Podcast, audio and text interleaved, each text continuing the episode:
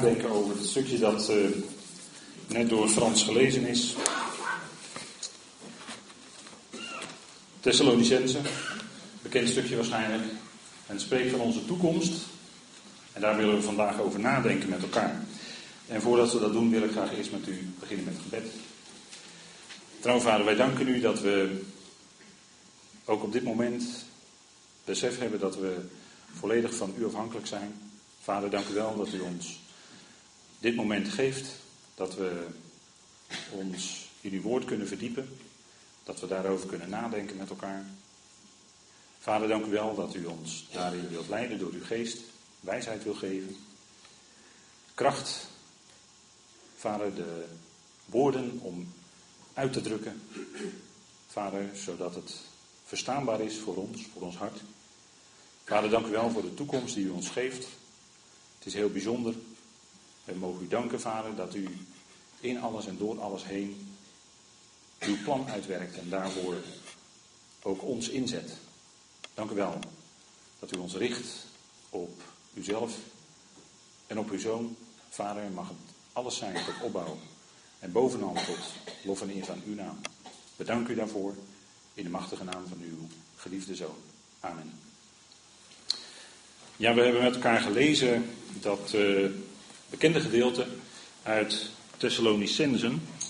En dat uh, spreekt over dat wij samen met de Heer zullen zijn. Het zijn die bekende woorden die uh, klinken in deze brief. Wij zullen samen met de Heer zijn. Het gaat over onze toekomst. En onze toekomstverwachting die staat in het bijzonder in deze brieven. En ik wilde met u vandaag eigenlijk stilstaan bij dat thema wat hieruit voortkomt. Uh, samen met de Heer. Wat betekent dat dan? En wat houdt dat in voor ons als gelovigen? En er staat in uh, Johannes, want de Heer sprak met zijn discipelen toen hij op aarde was, ook over de toekomst. En de discipelen die begrepen dat niet op dat moment. Later, toen zij op de Olijfberg stonden, kwam de boodschapper daarop terug. En in Johannes lezen wij dat de Heer op aarde was en heel streng optrad in die tempel. Het was toen de tempel van Herodes, waarvan u op deze foto een maquette ziet. Dat is iemand die heeft zich daar 30 eh, jaar mee bezig gehouden al om die uh, zo getrouw mogelijk na te maken. Het was de tempel van Herodes en de Heer kwam daar op het tempelplein en hij was eigenlijk ontstemd over wat hij daar zag. Hij was geprikkeld en hij voerde die tempelreiniging. Hè, dat, doen, dat noemen we altijd de tempelreiniging. Hij joeg al die geldwisselaars en, en handelaars joeg die weg. En hij zegt daarbij: Neem deze weg van hier, maak het huis van mijn vader geen handelshuis. Dus dat huis van God zou geen koophuis zijn, zou geen handelshuis zijn. En dat was ook iets dat al in de profeten stond. De ijver voor dat huis, dat uh, verteerde hem. Hè? En later komt de Heer op die uitdrukking terug als hij met zijn discipelen spreekt in de bovenzaal, vlak voordat hij gaat lijden en sterven. En dan zegt hij tegen hen, die bekende woorden uit Johannes 14, laat jullie hart niet verward worden. Geloof in God en geloof in mij. In het huis van mijn vader zijn veel verblijven, verblijfplaatsen. Indien die er echter niet zijn, zou ik het jullie gezegd hebben, want ik ga om een plaats voor jullie gereed te maken. En indien ik zou gaan en plaats voor jullie gereed zal maken, kom ik opnieuw en zal ik jullie tot mijzelf nemen, opdat waar ik ben ook jullie zouden zijn. Raadselachtige woorden voor veel mensen. En veel mensen denken dan dat de Heer van de aarde is weggegaan om in de hemel een plaats te bereiden. Maar hij verwijst hier naar het huis van mijn vader. En we hebben net gezien in Johannes 2 wat eigenlijk dat huis van de Vader is. Dat is die tempel daar in Jeruzalem. Dus de Heer ging weg en later, toen hij met zijn discipelen in de opstanding stond op de Olijfberg, ging er iets bijzonders gebeuren. Want elke keer als de Heer op de berg was, gebeurde er iets bijzonders. Sprak hij de bergreden uit, was er die verheerlijking op de berg. En als hij in Handelingen 1 weer op de berg is, gebeurt er ook iets bijzonders, namelijk hij vaart op en hij laat die discipelen eigenlijk in verwarring achter van, ja wat gaat er eigenlijk gebeuren? En de discipelen waren ook in verwarring, want ze vroegen aan hem, Heer, zult u in deze tijd het koninkrijk aan Israël oprichten? En de Heer zegt dan, dat zijn de tijden die de Vader aan zichzelf gehouden heeft. En hij voer op en de wolk onttrok hen aan hun ogen. Dan komt die boodschapper bij hem en die zegt dan, hij zal op dezelfde wijze terugkomen zoals jullie hem weg hebben zien gaan. En hij is weggegaan en hij spreekt hier in Johannes 14 over dat hij weer terug zal komen op aarde. Spreekt Matthäus 24 over, spreekt Openbaring 1 over. Hij komt terug op aarde in heerlijkheid. Dat is zijn wederkomst voor Israël. En dan zal hij die geweldige plaatsen voor die discipelen, voor die gelovigen uit Israël bereid hebben. Dat zijn onder andere verblijfplaatsen in de tempel die dan zal staan in de duizend jaar op aarde. Daar spreekt Johannes 14 over. Johannes 14 spreekt niet over waar Paulus in Thessalonicense over spreekt. Paulus heeft het over iets anders dan over Matthäus 24 of Openbaring 1. Daar gaat het om de wederkomst van Christus. Dan zal hij zijn voeten zetten op aarde, op de Olijfberg. En dat is zijn wederkomst voor Israël. En dan zal dit het gebied zijn wat aan Abraham beloofd is, het beloofde land. U ziet op de kaart dat het een heel groot gebied is. Dit is beloofd in Genesis 15 aan Abraham en deze belofte staat nog steeds.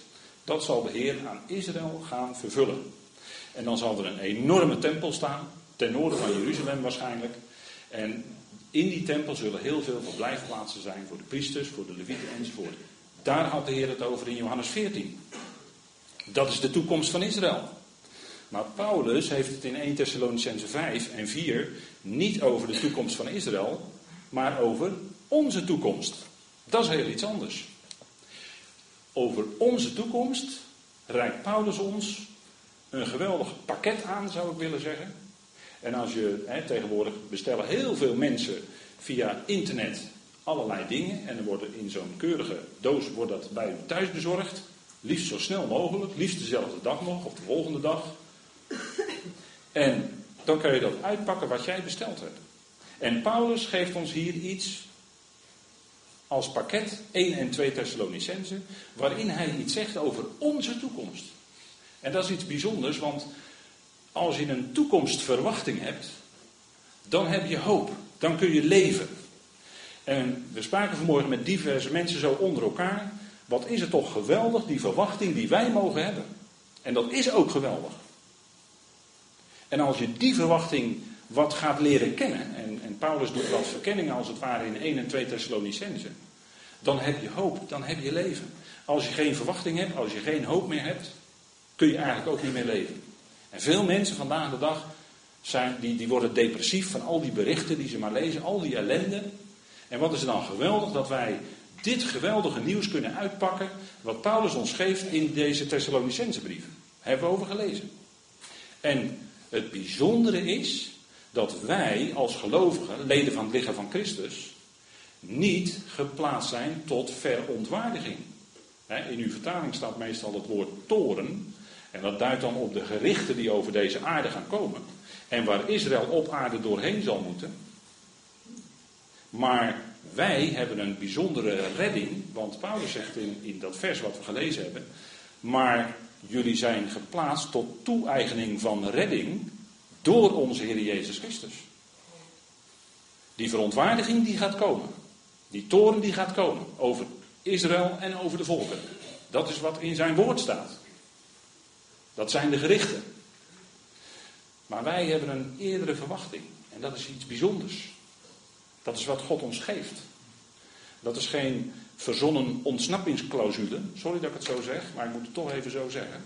Maar dat is iets wat Gods woord aanreikt in Thessalonicense. Dat is wat wij gaan meemaken.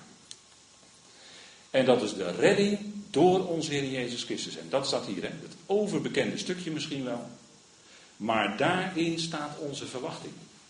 En daarmee wil ik u vandaag ook bemoedigen. Want er staat bij: bemoedig of vertroost elkaar met deze woorden. Vandaar, wij, de levenden, de overblijvenden, zullen gelijktijdig samen met hen, met die doden in Christus, weggerukt worden in wolken. Dus wij blijven niet op aarde zoals Israël. Wij worden weggerukt als er een bazijn klinkt. Dan klinkt de bazijn van God. Dat is niet de zevende bazijn uit openbaring. Maar dat is de bazuin van God. Die zal klinken behoorlijk tijdje voordat die zeven bazuinen uit openbaring gaan klinken. Daar moet u scherp onderscheid in zien. Anders komt u in verwarring op dat punt. Maar wij zullen tezamen met hen weggerukt worden in wolken. Tot ontmoeting van de Heer in de lucht. Dat is wat er staat. En zo zullen wij altijd samen met de Heer zijn. Wat een geweldige belofte. Wat een geweldige troost. Als je dit weet en mensen je ontvallen, mensen komen te overlijden, helaas, helaas, verdrietig genoeg. Maar dit is onze verwachting.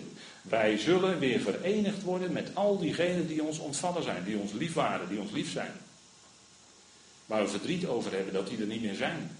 Maar wij zullen elkaar weer ontmoeten en dat is wat hier staat. Dat is de verwachting die God ons door Paulus geeft. En dat is een andere verwachting dan Israël. En wij zullen zo tezamen met de Heer zijn. Wat betekent dat dan? er is een ontmoeting daar in de lucht. En meer zegt Paulus niet in Thessalonicense. Wij zullen samen met de Heer zijn. En als we even kijken in vogelvlucht wat er gaat gebeuren. Eerst was er de kruis en de opstanding van Jezus Christus. Dat hebben we net met elkaar herdacht. En dat doen we als goed is het hele jaar door. Hoop ik, hoop ik dat u dat hele jaar door doet. De opstanding van Christus herdenken. Twee jaar, 2000 jaar is het dan Gods genadetijd.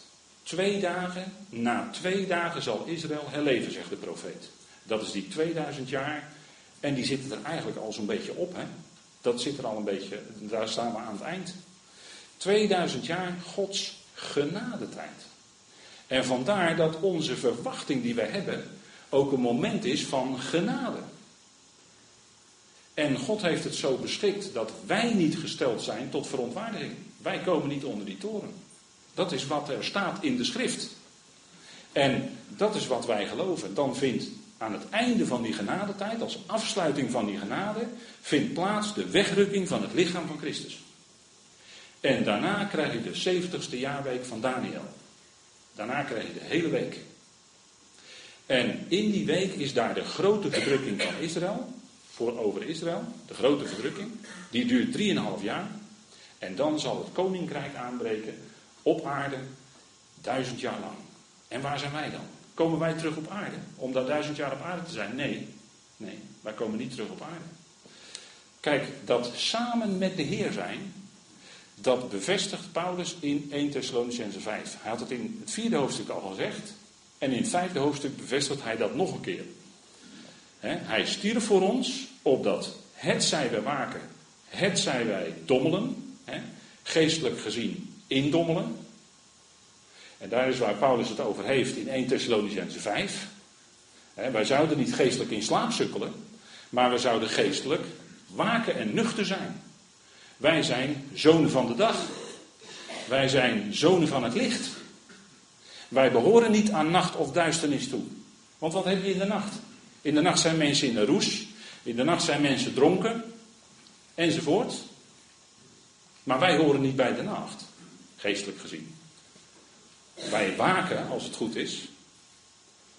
Of misschien zijn we ook ingedommeld en geloven we het allemaal wel. En zullen we het allemaal wel zien en vinden we het allemaal wel best. Kan, kan je als gelovige zo'n fase hebben.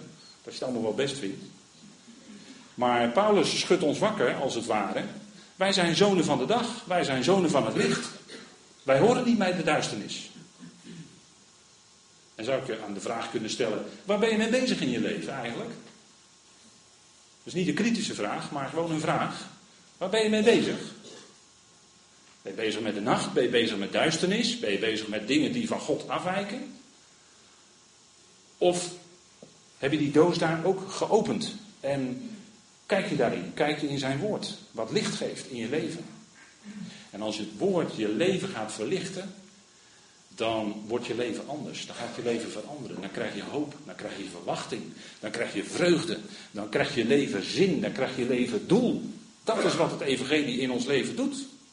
Het is een goed nieuws wat wij ontvangen. En dit is ook goed nieuws. Dat wij gelijktijdig met hem zullen leven. Wat een geweldige verwachting. Met hem. Met Christus. Want over wie hebben we het dan met hem? dan hebben we het over degene die alles voor ons heeft overgehaald. Die gehoorzaam is geworden tot de dood, ja zelfs de dood van het kruis. En dat is niet niks. Dat is een enorm diep lijden geweest. Dat beseffen wij niet zo en dan gaan we misschien wel eens wat gemakkelijk aan voorbij. Goede vrijdag, ja, daar leven we een beetje misschien aan voorbij. En dan is het Pasen, dat is leuk, allemaal eieren zoeken in de tuin en zo, hè, dat soort dingen. Of er was toch ook iets anders aan de hand met Pasen. De Heer is opgestaan uit de dood. En dat is de geweldige krachtsexplosie die God gaf op die dag. En dat was het keerpunt in de geschiedenis. Het kruis en de opstanding van onze Heer.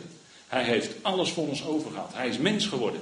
En als mens zijnde is hij gestorven aan een, aan een hout waarin hij intens leed en gehoorzaam werd tot de dood. Ja, zelfs de dood van het kruis. En dat was een schande, want aan het kruis werden misdadigers genageld. Criminelen. En hij was zonder zonde. En hij heeft met die misdadigers meegeleden en voor hen geleden. En voor ons, voor u en voor mij. Dat wij dat allemaal ontvangen en zeggen, ah het is geweldig die genade. Ja, maar die genade is wel gebaseerd op dit gebeuren, hè? op Golgotha. Op een intens lijden en sterven van onze Heer. Kostbare prijs is betaald, zijn bloed. En zijn bloed is de enige basis voor redding. En daarop gebaseerd zegt Paulus dat wij gelijktijdig samen met hem, met die Heer die nu verheerlijkt is aan Gods rechterhand, met hen zullen leven. Dat is een geweldige toekomst.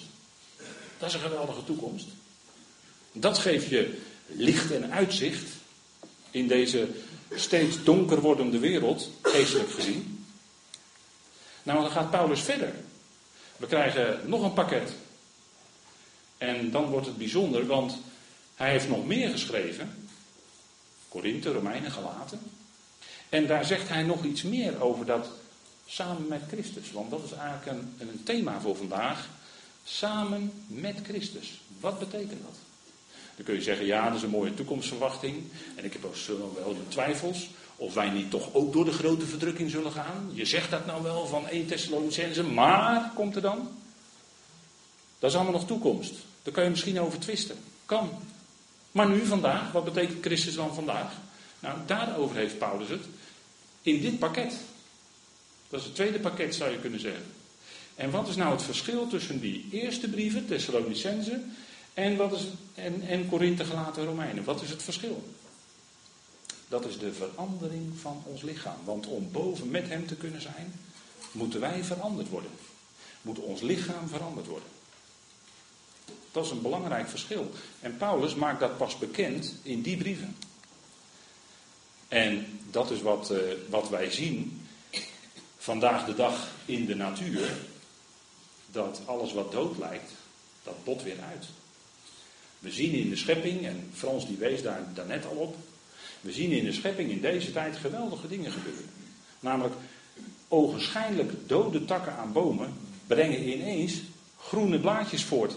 Nieuw leven. En dat is nieuw leven, dat is eigenlijk een beeld, een type van de opstanding. Dat is de onderwijzing die God ons geeft in de natuur. Namelijk dat deze oude schepping, en met het woord oud geef ik eigenlijk al aan dat die moet gaan verdwijnen. Want deze oude schepping zal plaats moeten maken voor een nieuwe schepping. En dat wonder zien wij elke dag of elk seizoen zien we dat in de natuur terug. Want de bladeren in de herfst die worden allemaal bruin-rood. En die vallen van de bomen en die gaan weer dood. En in het voorjaar, oh wonder, komen weer allerlei nieuwe bladeren tevoorschijn in plaats van die oude. En dat is een onderwijzing van God in de natuur, wat hij doet. Namelijk deze oude schepping waarin wij nu leven, zal een nieuwe gaan voortbrengen, uiteindelijk. De nieuwe schepping. En het geweldige is, wat Paulus in deze brieven waar we het nu over hebben bekend maakt, is dat wij in Christus al een nieuwe schepping zijn, geestelijk gezien. En dat is een groot wonder. Dat wij die behept zijn met het oude lichaam, wat stervend is, wat sterfelijk is. En wat net als die graankorrel eens zal sterven, tenzij de Heer komt met de bazuin. Maar dat oude dat gaat sterven en dat zal in de opstanding omgezet worden van verderf in onverderfelijkheid. Dat zegt Paulus allemaal in 1 Corinthië 15. Oh, machtig hoofdstuk. Ongelooflijk. Wat daar allemaal staat. Verderf zal overgaan in onverderfelijkheid. Oneer wordt heerlijkheid. Zwakheid wordt kracht. Ziels, we gaan van ziels naar geestelijk. En dat is ook een uitbeelding van ons geestelijk bestaan, als het goed is. Dat wij groeien van zielse gelovigen naar geestelijke gelovigen. Dat we niet ziels bezig zijn, maar geestelijk bezig zijn. Aards, van aards naar hemels. Van sterfelijk naar onsterfelijkheid. Wat een onvoorstelbare verwachting is dit, hè? En dit is geen uh, idee fix. Dit is niet zomaar een gedachte van een mens. Maar dit is wat Gods woord laat zien. Die graankorrel, en we zien elke keer die illustratie in de natuur. Hè? U zou zich moeten verdiepen in typologie in de natuur, dat is fantastisch hoor. Want die graankorrel die sterft, Paulus gebruikt dat beeld zelf. Die graankorrel die sterft, maar kijk eens wat eruit komt. Een geweldige aar. En die draagt vrucht. 30, 60, 100 fout, hè, zegt de Heer dan op een gegeven moment. Die tarwe, dat graan of die gerst, het valt allemaal als, als was het een dode korrel. Want als je hem in de vensterbank laat liggen, gebeurt er niks. Maar hij moet in de aarde vallen en sterven. En zo ziet de Bijbel eigenlijk ons sterven, ons begraven worden. Dat is eigenlijk een zaaien in de aarde. Een zaaien als wij begraven. Dan zaaien wij dat oude lichaam. In de verwachting dat daar een nieuw heerlijk lichaam uit op zal staan. Net zoals we dat doen met graankorrels. Dat is de illustratie uit de natuur. En dat is die geweldige verwachting die wij hebben. Wij zullen veranderd worden. En dat is een geheimenis. Paulus zegt: Ik deel jullie een geheimenis mee. En misschien is dat voor mensen nog steeds een geheimenis. Dat zou best kunnen. Maar hij zegt: Wij zullen niet alle ontslapen. Maar wij zullen alle veranderd worden. Op het moment dat de bezuin klinkt, dan is nog niet iedereen gestorven van het lichaam van Christus, maar dan zullen er zijn die leven. En misschien zijn, zijn u en ik daar wel bij. Dat zou fantastisch zijn. Dat zou geweldig zijn. En wij zullen veranderd worden. Net zoals die graankorrel. Een enorme verandering ondergaat, zo zullen wij een enorme verandering ondergaan als die bazuin klinkt. Dat zal de Heer gaan doen. En weet u, dat, is, dat heeft te maken met iets bijzonders wat Paulus in deze brieven laat klinken, namelijk het woord van het kruis. Het woord van het kruis. Ik heb er net al even iets over gezegd. Het kruis waaraan onze Heer Jezus Christus smadelijk leed en stierf. Het woord van het kruis, dat klinkt in deze brieven. Dat klinkt nog niet in Thessalonicense. En nu kan Paulus meer gaan zeggen omdat hij ook het woord van het kruis brengt. Dat begint hij in 1 Korinthe 1 al mee. Dat het woord van het kruis weliswaar dwaasheid is voor de wereld. Maar ja, hoe kan dat nou? Zo'n zwakke zoon van God die sterft aan het kruis, hoe kan dat nou kracht betekenen? Nou, dat kan kracht betekenen in ons leven. Als wij gaan beseffen wat Paulus daarvan zegt. Want als het gaat om één zijn met Christus, of samen met Christus, dan zegt hij in Romeinen 6, Waarin de gelovige zich misschien afvraagt van ja, die genade is zo groot.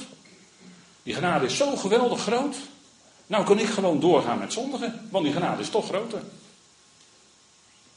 Op zich is dat waar, dat die genade groter is. Alleen dat is niet de bedoeling van het evangelie. En Paulus laat dan aan die Romeinen zien dat zouden wij bij de zonde blijven opdat de genade meer wordt. En dan zegt hij, volstrekt niet. En dan zegt hij, Weten jullie dan niet, Romeinen? Weten jullie dan niet? En dan komt hij met het woord van het kruis. Weten jullie dan niet dat wij allen die in Christus Jezus gedoopt zijn, in zijn dood gedoopt zijn? Dat is niet de doop in water hier. Maar dat is de doop, zijn dood namelijk, aan het kruis. Die noemde hij zelf, de Heer Jezus noemde dat zelf, zijn doop.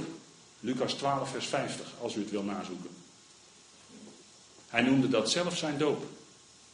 En dan zegt hij, jullie als gelovigen, weten jullie dan niet dat je in zijn dood gedoopt bent? Dus kennelijk heeft zijn dood iets te betekenen voor ons. En dan zegt hij in vers 5 van Romeinen 6, want het is een vogelvlucht hier even door Romeinen. Maar indien wij samengeplant zijn geworden in de gelijkenis van zijn dood. En dan zegt hij in vers 6, weten dat onze oude mens mede gekruisigd is. Onze oude mens. Wacht even, oud. Die staat dus op de nominatie om te verdwijnen. Dat geldt ook voor de verbonden. Hè? Dat zegt Paulus in Hebreeën. Dat als er gesproken wordt over het oude verbond, of als Paulus de Hebreeënbrief geschreven heeft, maar dat oude verbond, dat is nabij de verdwijning, omdat het oud genoemd wordt. Betekent al dat er een nieuw verbond moet komen. Jeremia had daar al over gesproken. Maar hier gaat het om onze oude mens. En onze oude mens is mede gekruisigd. Want er stonden waarschijnlijk vijf kruisen op Golgotha. Die ene van de Heer plus vier. Twee rovers en twee misdadigers. En in die rovers en die misdadigers werd zichtbaar wie de mens in zichzelf is. Of wat het vlees in zichzelf is. Een rover, een misdadiger. En dat moet je gaan erkennen. Wat jij bent in je eigen vlees. En soms duurt dat heel lang voordat iemand dat erkent. En soms is dat heel snel. Maar dat is erkenning die God geeft. Onze oude mens, die verdient geen andere plek dan aan het kruis. Paulus spreekt er ook zo over in de Galatenbrief. Spreekt hij ook regelmatig over het kruis. In hele opmerkelijke uh, teksten zijn dat. Hij zegt dat hij door de wet, voor de wet is gestorven. Let u goed op wat hij zegt. Voor de wet is hij gestorven. Opdat hij leeft met Christus. En dan heeft hij het ook over gezamenlijk met Christus ben ik gekruisigd. We hebben het over samen met Christus hè, vanmorgen. Samen met Christus ben ik gekruisigd. En dat betreft die oude mens. En zegt Paulus, toch leef ik. Toch leef ik. Dat is die nieuwe mens. Dat is Christus. Het leven van Christus in hem. Want hij zegt, dat is niet meer ik. Dat is niet meer dat oude ik. En als mensen, ook als gelovigen, kunnen soms behoorlijk last hebben nog van het oude ik. Want het wil nog graag de kop opsteken. Maar eigenlijk hoort het aan het kruis. Dat oude ego, dat oude ik. Dat hoort aan het kruis. Maar dan is er een nieuw ik voor in de plaats gekomen. En dat is het leven van Christus in ons. Leven van Christus in ons. En onze oude mens is mede gekruisigd. En Paulus zegt dan ook nog in vers 8 van Romeinen 6. Want als wij sterven met Christus, geloven wij ook dat wij samen met Hem zullen leven. Staat hier in de toekomende tijd, hè? Zullen leven. Maar dat is nu. Dat is niet straks in de opstanding, maar dat is nu ook. Samen met Hem leven. Dat is nu ons leven. Samen met Hem. Wacht even, hoe kan dat nou? Hoe kan dat nou? Je, je begint met Thessalonicense, begint Paulus mee. En dan zeg je, we zullen de Heer tegemoet gaan. En daar is een ontmoeting in de lucht. Hè? We zullen weggerukt worden. We ontmoeten de Heer in de lucht. Dan zullen we pas bij hem zijn. Maar nu blijkt dat hij bij ons is en zelfs in ons is. Hoe kan dat nou? Nou, hij is boven bij Vader, aan de rechterhand van Vader. En wij hebben zijn geest in ons. En zo zijn we met hem verbonden. En de Bijbel noemt dat, dat alsof Christus in ons leeft. Maar dat is door zijn geest. Zijn we met hem verbonden. En leven wij nu, vandaag, samen met Christus. Dat is dus niet afhankelijk van de locatie waar je bent. Het maakt dus niet uit of je met je voetjes op de aarde staat of boven bent, want je bent altijd samen met Hem. Dat is wel heel bijzonder als je daar iets van gaat beseffen. En nu geeft Paulus aan in deze brieven dat wij samen met Christus leven. En dat is niet alleen vleeselijk met ons lijf zullen wij straks bij de Heer zijn. Zover ging hij in Thessalonicense. Maar nu blijkt, geestelijk gezien, dat wij nu samen met Christus leven. En ik hoop dat u dagelijks samen met Christus leeft. Ik hoop dat Hij leeft in u en door u heen. Dat hoop ik, want dat is de bedoeling van het Evangelie. Niet straks met Hem zijn, maar nu, vandaag, met Hem leven. Dat geeft je leven zo'n andere richting, zoveel verwachting, zoveel vreugde in je hart. Zoveel wat God ons geeft, die genade. Dat we dagelijks met Hem kunnen leven. Fantastisch. En, en dat we altijd, ook al beseffen we vervallen, maar we staan altijd net één keer meer op. Dat is Zijn genade.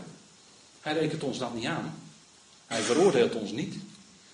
Maar wat wij wel gaan zien, en dat is iets geestelijks, is dat het vlees wordt als dood gezien. Hoe? door het kruis. En daarom is de boodschap van het kruis zo enorm belangrijk in de brieven van Paulus. Daar zouden wij niet aan voorbij gaan. Want dat is de kern waar het om draait. Dat is het keerpunt in Gods plan. En Paulus stuurt ons dan uit de gevangenis nog een pakket. Je zegt, nou, dat houdt niet op vandaag. Nee, het zijn veel pakketten, maar liefst drie. Hè? En uh, een, goede, een goede boodschap zeggen ze altijd, moet je in drieën brengen. Nou goed, dan word ik geholpen door Paulus, want die geeft in drie pakketten. Efeze, Filippenzen, Colossense. En wat zegt hij daarin? Wat zegt hij daarin? Hij zegt iets bijzonders. En we praten vandaag even specifiek, we spreken met elkaar vandaag specifiek over dat wij tezamen met de Heer zullen zijn. En wat zegt hij dan in Filippenzen 3? Zegt hij er ook iets over? Want ons domein behoort aan de hemelen toe, waaruit wij ook de redder verwachten, de Heer Jezus Christus. En wacht eens even, wat zeg je nou? Wat zegt Paulus daar? Ons domein is in de hemelen, maar ik sta toch met mijn beide voeten op de aarde. Ja, en toch, Paulus ook hoor, op het moment dat hij dat schreef, zat hij in gevangenschap. En dan keek hij naar die soldaten af en toe, hè, die hem uh, moesten bewaken. En toen kwam hij ook nog uh, daardoor in Efeze 6 met die wapenrusting. Maar Paulus die zat gewoon in die gevangenis en hij zat vast, misschien wel letterlijk vastgekluisterd aan de aarde. En toch schreef hij dit. Ons domein behoort aan de hemelen toe. Wat betekent dat? Nou, dat woord toebehoren is wel een beetje bijzonder. Dat we zeggen dat het, dat het eigenlijk ons eigen is. Het is ons wezen dat wij aan de hemelen toebehoren, geestelijk gezien.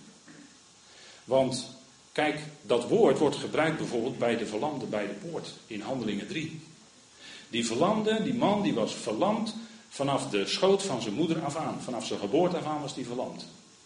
Dat, die verlamming, die behoorde hem toe. Dat was hem eigen, dat was zijn wezen. Nou, dat woord gebruikt Paulus hier bij toebehoren. Ons domein, dat is ons terrein waar wij zijn, waar wij zullen zijn, ook moet ik zeggen, maar waar we in feite nu al gezet zijn, is in de hemelen. Dat is wel een beetje vreemd, hè? We zijn hier op aarde en toch is ons domein in de hemel. Toch zijn we daar gezet. En wij verwachten de redder, de Heer Jezus Christus, als redder. Dus hij komt voor ons niet om gerichten te oefenen, dat is het boek Openbaring. Maar hij komt voor ons als redder. Om ons te redden uit het komen van de verontwaardiging, van de toren. Uit het komen van de verontwaardiging. Goed scherp lezen, hè? Dan is die verontwaardiging er nog niet, maar dan is die bezig te komen. En daar redt hij ons uit. Want ons domein behoort aan de hemelen toe, zegt Paulus. En wat hij eigenlijk duidelijk maakt in dit hele bijzondere pakket van die drie brieven, is dat onze oorsprong zelfs, ons heden en onze toekomst, samen met Christus is. Dus we zijn eigenlijk van meet af aan al nauw verbonden met Hem en in Hem. En hoe kun je dat nou zo zeggen? Nou, Paulus schrijft dat wij in Christus uitgekozen zijn voor de neerwerping van de wereld. Voor Genesis 1, vers 2 dus. Toen waren wij al in Christus uitgekozen. Toen had God ons al in zijn zoon bestemd tot leden van het lichaam van Christus. Want u zegt, ja, mijn oorsprong is waar ik geboren ben, mijn geboorteplaats. misschien bent u wel geboren in, uh, in Enschede, weet ik allemaal niet. Of noem maar een dwarsstraat. Dan zegt u, ja, daar ligt mijn oorsprong, daar ben ik geboren. Dat klopt, maar het bleek in de tijd, geestelijk gezien, dat onze oorsprong als leden van het lichaam van Christus eigenlijk veel verder terug lag in de tijd. In en met Christus. En vanaf dat moment waren wij eigenlijk al zo in en met Hem nauw verbonden. Ja, eigenlijk onlosmakelijk. Daar kan eigenlijk nooit iets mee misgaan. En was er toen al sprake van de aarde? We hebben het over voor de nederwerping van de wereld. Dat was zelfs voordat God de aarde geschapen had. Daar ligt onze oorsprong. En dat gaat ver terug. En misschien denkt u, ja, dat duizelt me allemaal. Dat is allemaal prachtige gedachten hoor. Maar het zegt mij niet zoveel. Zou best kunnen. Zou best kunnen. Dat u niet zoveel zegt. Maar daar is waar onze oorsprong als leden van het licht van Christus ligt. En dat geeft tegelijkertijd een geweldige verwachting naar de toekomst. Want daar ligt namelijk ook onze toekomst. En iemand zegt wel eens, ja, je, je keert altijd terug naar je oorsprong en we zullen uiteindelijk allemaal terugkomen bij God. Dat is waar, dat is waar. Maar wij keren uit onze oorsprong, komen wij weer terug. Te midden van de hemelsen. Daar ligt onze toekomst. Niet zozeer om hier op aarde te zijn, want dat is voor Israël bestemd. Israël is het volk om Gods zegenkanaal te zijn voor de aarde. Voor de volkeren. En wij zijn ook bestemd om voor anderen tot zegen te zijn. Want deze redding samen met Christus is niet alleen voor onszelf. Maar het is een redding die bedoeld is om ook anderen te bereiken. En vandaag de dag kunnen we ook andere mensen bereiken. En andere mensen, daar, ja, daar zit vaak ook iets geestelijks aan vast. En daarom kreeg eh, de apostel ook een wapenrusting. Hè? Nou, wij zullen, even samengevat, wij zullen samen met hem zijn en leven, zegt Paulus, Thessalonicense. Romeinen gaat hij een stuk verder, zegt hij, wij zijn samen met hem gekruisigd, gestorven, begraven, opgewekt en leven. Wanneer? Nu, vandaag. En wij zijn met hem opgewekt en zelfs gezet te midden van de hemelse, waar ook heel bijzonder onze oorsprong zelfs ligt, in hem. En dan gaat u misschien iets beseffen van de enorme plaats, de enorme hoge plaats zelfs, die wij gekregen hebben. En dat is om niet, dat is genade. Dat is niet omdat wij nou zulke geweldige beste mensen zijn, of omdat wij nou zo hoog intellectueel zijn of zo, want dat speelt helemaal geen rol, het gaat om geloof. Het is genade. Het is de overstromende genade van God dat Hij ons dit geeft. Wij zijn samen met Christus. Dat is, dat is een hele belangrijk geestelijk principe. En dat is onafhankelijk van de plaats waar je bent. Dus in de komende tijd, als de Heer, als de Heer Jezus Christus, bij gelegenheid op aarde is, want er is niet duizend jaar lang op aarde hoor, dat hoeft helemaal niet. Maar als hij bij gelegenheid op aarde is, zijn wij boven te midden van de hemelingen. En wat let hem om door zijn geest ons te instrueren wat wij moeten doen. Wat wij moeten doen. Daar is hij groot en machtig genoeg voor. Hij is het hoofd. En Paulus die zat daar in gevangenschap. En die zag daar die Romeinse soldaat. En die zag, die zag dat die soldaat een geweldige wapenrusting heeft. En dat beeld gebruikt hij, hè, die Romeinse soldaat, dat beeld gebruikt hij, zodat om ons toe te rusten dat wij kunnen standhouden in ons dagelijks leven. Dat wij kunnen pareren met dat, met dat korte zwaard van de geest, die uitspraken van God, daarmee kunnen pareren. En daarover heeft hij het in feite ook al in Thessalonicense, dat hebben we gelezen. Wij hebben de helm, dat is wat ons om ons hoofd heen zit, wat onze gedachten beschermt. De helm van onze verwachting van redding. Dat Hij ons redt. Dat we niet ongerust of uh, bedroefd hoeven te zijn of verward. Maar dat we zeker zijn van die redding door Hem. Op de tijd die door Hem bepaald is. Die door God bepaald is. En we hebben dat schild van het geloof. Hè, dat lange schild zoals die Romeinse soldaat dat kende. Dat lange schild van het geloof. Om al die vlammende pijlen Vlammende pijlen van laster, vlammende pijlen van leugenpraatjes die rondgestrooid worden, vlammende pijlen van vervelende opmerkingen, van wie dan ook. Kan in de gemeente zijn, kan buiten de gemeente zijn, kan allemaal gebeuren. Maar daarvoor hebben we dat langschild van het geloof. Waarmee die vurige, vlammende pijlen kunnen doven. En dat panzer en, en al die andere onderdelen, de voeten geschoeid met de bereidheid van het evangelie van de vrede. Dat is een enorm wapen, dat is een enorm verdedigingswapen. Het evangelie van de vrede. Dat je voeten onderbonden zijn met die sandalen van vrede. Houd voor zover het van u afhangt, vrede met alle mensen.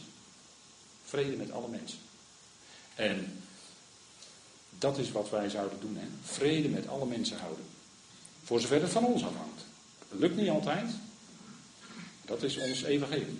Evangelie van de vrede, evangelie van verzoening, van genade. En zo hebben we die wapenrusting in ons leven. En waarom hebben we dat nodig? Omdat wij bestemd zijn juist voor die machten en krachten. En die machten en krachten maken gebruik van andere mensen om ons te treffen. Maken gebruik van andere mensen om ons te treffen. En daarvoor hebben we die wapenrusting van God. En Paulus had voor zich een prachtig beeld van die Romeinse soldaat. En Gods liefde, want, want ja, wij zijn leden van het lichaam van Christus. En ik denk wel eens, we beseffen het te weinig. We beseffen het te weinig dat we leden zijn van dat lichaam. Want Gods liefdevolle voornemen, want al wat we hebben ontvangen van God is vanuit zijn liefde. Gods liefdevolle voornemen en doel wordt bereikt door hem, hè, door Christus Jezus. En dat doet hij niet alleen, maar dat doet hij samen met ons. Met u, met jou, met mij. Met al die andere leden wereldwijd van het lichaam van Christus. Ook degenen die al gestorven zijn, maar die zullen er weer zijn op het moment dat de bezuin klinkt. Wat een geweldige ontmoeting zal dat zijn. We zullen verbaasd staan dat we in wolken weggerukt worden tot een ontmoeting met de Heer in de lucht. En dan zullen wij ook aan die schepping geopenbaard worden. Jullie stierven en ons leven is verborgen, en hebben we het weer, samen met Christus in God. Dat is geweldig, hè? Dat leven is onaantastbaar wat we hebben ontvangen. Dat leven is niet te beschadigen, is niet weg te nemen, dat, dat kan onmogelijk. En nu hebben we die, die doos een klein beetje open gedaan, een klein beetje erin gekeken wat erin zat. Samen met Christus, een geweldig thema. Hè? Samen met Christus, onze Heer. En dat is het doel van de gemeente. Dat wij samen met Hem geopenbaard zullen worden in heerlijkheid. En dat is tot zegen voor heel de schepping. In het bijzonder voor al die hemelse machten en krachten. Die we nu niet kunnen zien. Daarom lijkt het zo abstract als we het over deze dingen hebben. Lijkt abstract. Maar het is zo concreet. Want die geestelijke machten zijn er wel degelijk. Vergist u zich niet. Het is niet zo, ik kan ze niet zien, dus zijn ze er niet. Maar ze zijn er wel. Je kunt ze niet zien, maar ze zijn er wel. Niet, dat bedoel ik niet om u bang te maken of zo. Maar wij hebben een speciale bediening voor hen. En daarom hebben we er misschien zoveel last van. van van wat, wat via mensen allemaal op ons afkomt. Maar wij zullen zijn tot zegen voor die hele schepping. En gaat dat gebeuren? Ja, gegarandeerd gaat dat gebeuren. Niet omdat wij dat vinden, maar omdat Gods woord dat zegt. En dat is het doel van de gemeente. Het doel van het lichaam van Christus. En we mogen nu al die veelkleurige wijsheid bekendmaken.